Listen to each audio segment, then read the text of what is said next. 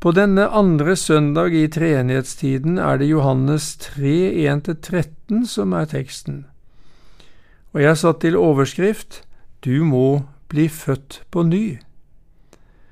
Herre Jesus, vi takker deg for ordet du har gitt oss i dag, og vi ber om at du må åpenbare det for oss ved din hellige ånd. Amen. Det var en mann blant fariseerne som hette Nikodemus. Han var en av jødenes rådsherrer. Han kom til Jesus om natten og sa til ham, Rabbi, vi vet at du er en lærer kommet fra Gud, for ingen kan gjøre disse tegnene som du gjør uten at Gud er med ham. Jesus svarte og sa til ham, Sannelig, sannelig, sier jeg deg, uten at en blir født på ny, kan han ikke se Guds rike. Nikodemus sier til ham, Hvordan kan et menneske bli født når han er gammel? Kan han vel annen gang komme inn i sin mors liv og bli født? Jesus svarte, Sannelig, sannelig, sier jeg deg, uten at en blir født av vann og ånd, kan han ikke komme inn i Guds rike. Det som er født av kjødet, er kjød, og det som er født av ånden, er ånd. Undre deg ikke over at jeg sa til deg, dere må bli født på ny. Vinden blåser dit den vil, du hører den suser, men du vet ikke hvor den kommer fra, og hvor den farer hen. Slik er det med hver den som er født av Ånden. Nikodemus svarte og sa til ham, Hvordan kan dette skje? Jesus svarte og sa til ham, Du er Israels lærer og vet ikke dette. Sannelig, sannelig, sier jeg deg, vi taler om det vi vet, og vitner om det vi har sett, og dere tar ikke imot vårt vitnesbyrd. Når jeg har talt til dere om de jordiske ting, og dere ikke tror, hvordan kan dere da tro dersom jeg taler til dere om de himmelske? Og ingen er steget opp til himmelen uten Han som er steget ned fra himmelen, menneskesønnen som er i himmelen. Nikodemus var fariseer og rådsherre. Fariseerne var et uh, religiøst parti på Jesu tid. Selv om de ikke var flere enn rundt 6000 eh, medlemmer, hadde de stor innflytelse.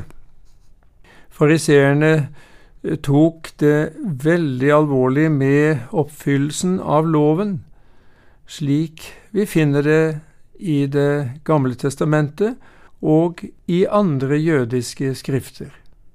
De satte opp en mengde forskrifter som skulle gi klar veiledning i ulike situasjoner, slik som eh, hvor langt de hadde lov til å gå på en sabbat.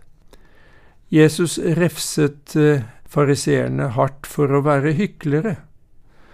Dette kan eh, føre til at vi forestiller oss fariseerne som noen som bare var opptatt av det ytre. Men i virkeligheten var den fariseiske læren veldig streng overfor alt som kunne smake av hykleri.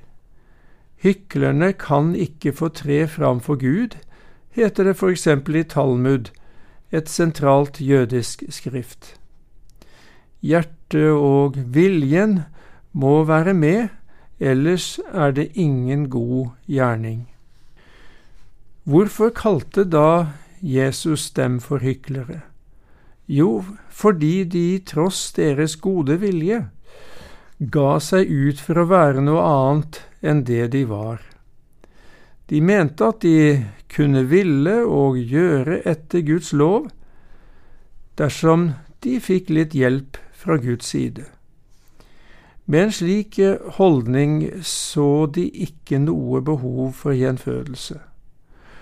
Og fordi de ikke var født på ny, ble alt det de gjorde, noe som skjedde innenfor rammen av det gamle livet deres.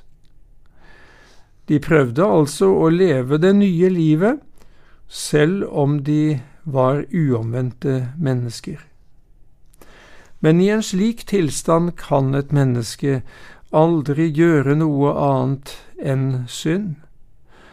Selv om det aldri så mye påberoper seg å ha hjertet og viljen med på det en gjør. Derfor kaller Jesus dem hyklere.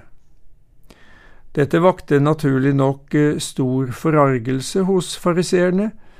De ville jo slett ikke hykle, likevel var det nettopp det de gjorde.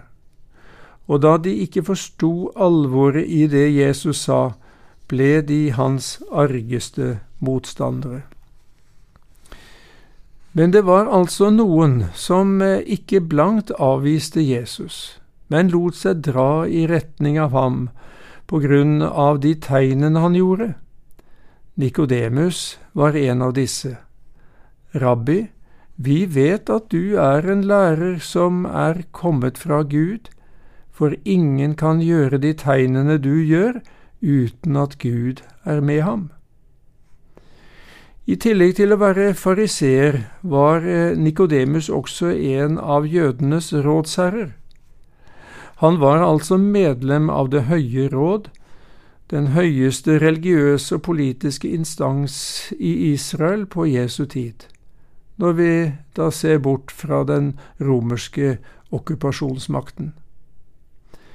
Det høye råd besto av yppersteprestene og de skriftlærde og de eldste, innflytelsesrike ledere i samfunnet. I alt var det 71 medlemmer i rådet. Jesus kaller Nikodemus Israels lærer. Han tilhører altså de skriftlærde, datidens teologer og jurister. De fungerte både som lærere og dommere. Så det var altså ingen hvem som helst som eh, kommer til Jesus om natten, det vil si etter klokken 18 det var en vanlig tid for eh, samtaler i rolige omgivelser, men det kan også være et uttrykk for at han helst ikke ville bli sett av sine jødiske brødre. Nikodemus tiltaler Jesus som rabbi, som betyr min herre. Det var de skriftlærdes embetstittel, men det ble også brukt om andre religiøse lærere som samlet disipler rundt seg.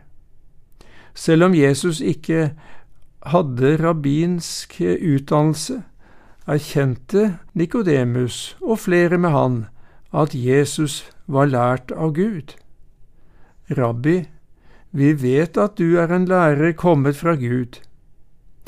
Og han begrunner det med at Ingen kan gjøre disse tegnene som du gjør, uten at Gud er med ham. Nikodemus ønsker derfor undervisning av Jesus, sannsynligvis angående Guds rike, som sto sentralt både hos fariseerne og i Jesu forkynnelse. Kanskje hadde han begynt å tvile på om hans eh, oppfyllelse av loven var tilstrekkelig for å komme inn i Guds rike. Det er en lykke når Gud får skape noe av denne usikkerheten hos et religiøst tilfreds menneske. Jesus går rett på sak og eh, taler med guddommelig myndighet. Han kjenner hjertene og vet hva den egentlige nøden er. Sannelig, sannelig, sier jeg deg, uten at den blir født på ny, kan han ikke se Guds rike, sa han. Nikodemus eh, så nok tegnene, det ytre underet, men eh, den dypere meningen så han ikke for den hører med til Guds rikes virkelighet. Og dette riket kan ingen se uten en ny fødsel. For mitt rike er ikke av denne verden, som eh, Jesus uttrykker det til Pilatus. Guds rike står ikke bare for Guds makt og herredømme, den virkeligheten der Gud suverent rår. Guds rike, som Jesus kommer med, er først og fremst et frelsesrike, slik at hver den som ser dette riket, får del i alle Guds gaver, det som også kalles evig liv. Å se betyr i denne sammenhengen ikke å se med sine fysiske øyne, men å få del i, erfare, oppleve. Det var dette riket fariseerne og de skriftlærde strevde for å få del i, med alle slags gode gjerninger. Det var altså full innsats fra menneskets side. Alltid var det noe som manglet, alltid var det noe som måtte gjøres bedre. Jeg vet ikke om du kjenner deg igjen? Ja, hva sier Jesus at vi skal bidra med for å se Guds rike? Ingenting. Jesus krever ikke mer innsats fra vår side, ikke flere gode gjerninger, nei, men en ny fødsel. Nå forstår både Nikodemus og vi at det ikke er snakk om en reprise av vår fysiske fødsel. Det er jo umulig. Som Nikodemus sier, hvordan kan et menneske bli født når han er gammel? Kan han vel annen gang komme inn i sin mors liv og bli født? Og like lite som vi var aktivt med ved den første fødselen vår, er vi heller ikke aktivt med ved den nye fødselen. Dette kommer klart fram i grunntekstens ord, som både betyr å bli født på ny og å bli født ovenfra, altså av Gud. Den som blir født på ny, blir altså ikke født av kjøtt og blod, ikke av menneskers vilje og ikke av manns vilje, men av Gud, slik Johannes uttrykker det i kapittel 1. Da først blir det en ny fødsel, det vil si en fødsel av en helt ny karakter, som fører deg inn i et helt nytt liv, med nye muligheter til å leve etter Guds vilje. De midlene Gud bruker for å skape en slik fødsel, er ifølge Jesus vann og ånd. Sannelig, sannelig, sier jeg deg, uten at en blir født av vann og ånd, kan han ikke komme inn i Guds rike. Med vann eh, sikter nok Jesus i første rekke til den dåpen døperen Johannes foretok. Den var et tegn på at de som bekjente syndene sine, fikk syndenes forlatelse. Da var de mottagelige for Den hellige ånds gave som Jesus kom med. Derfor sier Johannes ifølge Markus 1, Jeg har døpt dere med vann, men han skal døpe dere med Den hellige ånd. Etter pinse knyttes vannet og ånden sammen på en ny måte, som et rensende og gjenfødende middel. Derfor kalles den kristne dåpen badet til gjenfødelse og fornyelse ved Den hellige ånd. Den gir syndenes forlatelse og Den hellige ånds gave. Hvordan kan vann gjøre så store ting, spør Martin Luther i Den lille katekismen, og han svarer, Vann gjør det ikke, men Guds ord som er forent med vannet, og troen som liter trygt på dette ordet.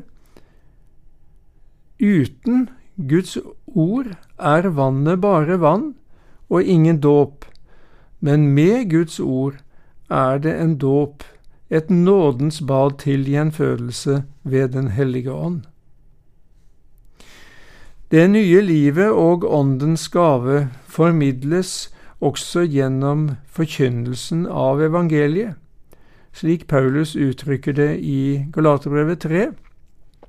Bare dette vil jeg få vite av dere, Var det ved lovgjerninger dere fikk Ånden, eller var det ved å høre troen forkynt?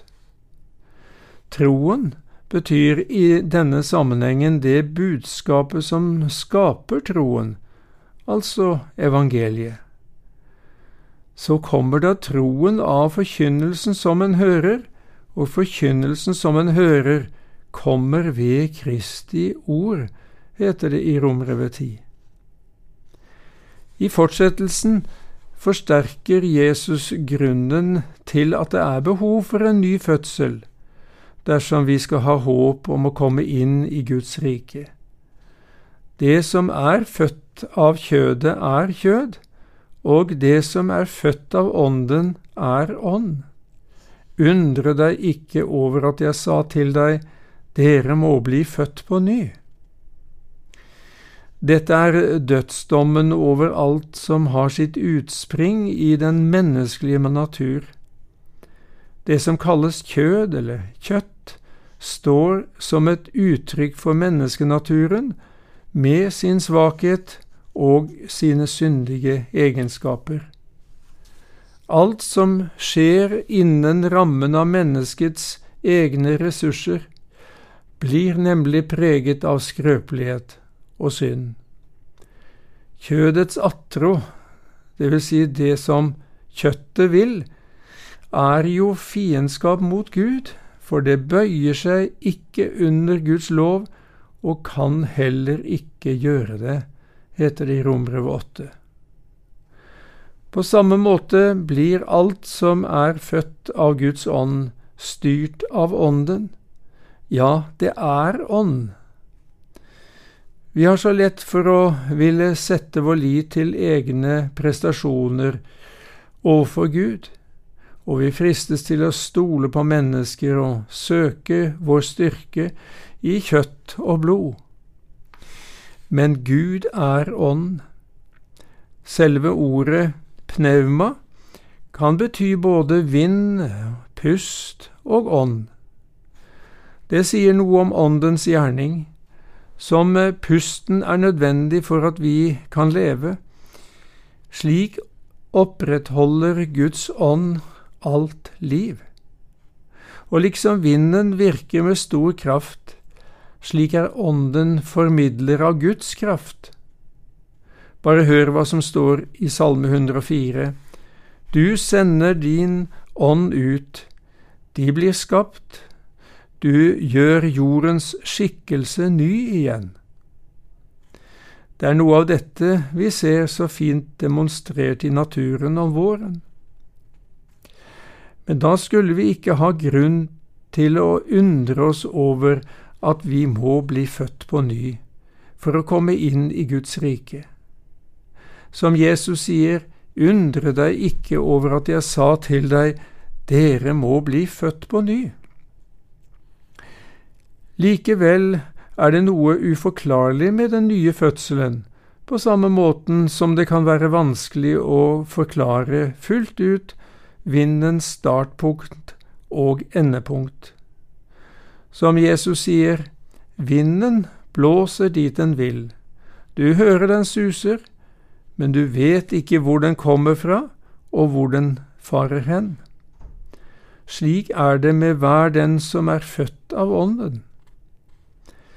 Slik som det er vanskelig å peke på vindens begynnelse og sluttpunkt, er det også vanskelig for det naturlige mennesket å forstå gjenfødelsens under. Men liksom vi kan erfare vindens virkning, slik kan også et uomvendt menneske erfare at det har skjedd noe radikalt nytt med et menneske som er født på ny. Han eller hun som før hadde sin kjærlighet i det som denne verden har å by på, har nå fått et nytt sentrum i livet Jesus. Nå er det Jesus denne personen gjerne vil lese om, be til, snakke om, følge etter og ligne. Det er klart at dette vil merkes, både hjemme, i venneflokken, i nabolaget, på skolen og på arbeidsplassen. For om noen er i Kristus, da er han en ny skapning, det gamle er forbi, se, alt er blitt nytt. Det betyr ikke at en kristen umiddelbart blir fri syndens lyst. Vi har fortsatt den gamle naturen som står imot Guds vilje. Men heldigvis har vi også fått en ny natur, som står på Guds side i det livet vi er kalt til å leve. Som det heter i Filippibrevet 2, for Gud er den som virker i dere, både å ville og å virke til Hans gode behag. Nikodemus røper sin uvitenhet, til tross for sin store kunnskap i Skriftene. Hvordan kan dette skje? spør han. Selv om han burde vite svaret, er det hans store lykke at Gud har skapt et ønske hos ham om å søke hjelp hos Jesus. Jesus svarte og sa til ham, du er Israels lærer og vet ikke dette. Det er altså noe som hittil har vært skjult for Nikodemus, noe som må bli åpenbart. Problemet for Guds ånd er at vi har så mye lettere for å lytte til oss selv enn til Jesus og Hans ord. Jesus sammenfatter seg med tidligere profeter ikke minst døperen Johannes, i sin videre undervisning av Nikodemus. Sannelig, sannelig sier jeg deg, vi taler om det vi vet, og vitner om det vi har sett, og dere tar ikke imot vårt vitnesbyrd. Når jeg har talt til dere om de jordiske ting, og dere ikke tror, hvordan kan dere da tro dersom jeg taler til dere om de himmelske. Det er noe de vet og har sett i motsetning til Nikodemus og hans likesinnede. De jordiske ting, det jordiske, er alt det som Jesus og døperen Johannes hittil har forkynt, at Guds rike er kommet nær og kan til en viss grad erfares ved omvendelse og gjenfødelse. Dette kunne erkjennes i den grad de var villige til å se at Jesu tegn og forkynnelse stemte overens med profetiene om Messias i Det gamle testamentet. Derfor kan Jesus kalle dette for de jordiske ting, eller det som hender på denne jorden, som en også har oversatt det med. Annerledes er det med de himmelske ting, det himmelske, rett og slett, det som ikke direkte kan erfares, men må hvile på troen alene. Det gjelder den videre forkynnelsen til Jesus, om hvordan Gud har gjort det mulig at et menneske kan bli født på ny, fordi Guds rike er kommet nær med alle frelsens gaver. Når Jesus kan vitne om de himmelske ting, er det fordi han har førstehånds kjennskap til dem, og ingen er steget opp til himmelen uten Han som er steget ned fra himmelen, menneskesønnen som er i himmelen. Jesus har altså virkelig steget opp til himmelen, og har vært der som Guds sønn fra evighet av. Derfor har han fullt kjennskap til de himmelske ting. Vi gjør vel i å lytte til Han, som kaller seg selv Menneskesønnen, fordi han er sann Gud og sant menneske. Hvordan gikk det med Nikodemus? Ble han født på ny? Ja, det er tydelig ut fra hvordan han behandler Jesus etter hans død. Sammen med Josef fra Arimathea salvet han Jesu kropp svøpte det i et linklede og gravla han. På den måten bekjente han sin tro og sin kjærlighet til Jesus. Johannes 3, 16, den eh, lille bibel, som vi kaller det, hadde blitt åpenbart for han. For så har Gud elsket verden, at han ga sin sønn den enbårne, for at hver den som tror på ham, ikke skal fortapes, men ha evig liv. Nå hadde han blitt en av dem som trodde på ham, en av dem som ikke skulle fortapes, men ha evig liv, på grunn av Jesu død og oppstandelse. Er du en av dem? Det er fullt mulig å bli det ved å ta imot Jesus i tro nå. Da blir du født på ny, for så har Gud elsket verden, også deg og meg, at han ga sin sønn, den enbårne, for at hver den som tror på ham, ikke skal fortapes, men ha evig liv. Amen.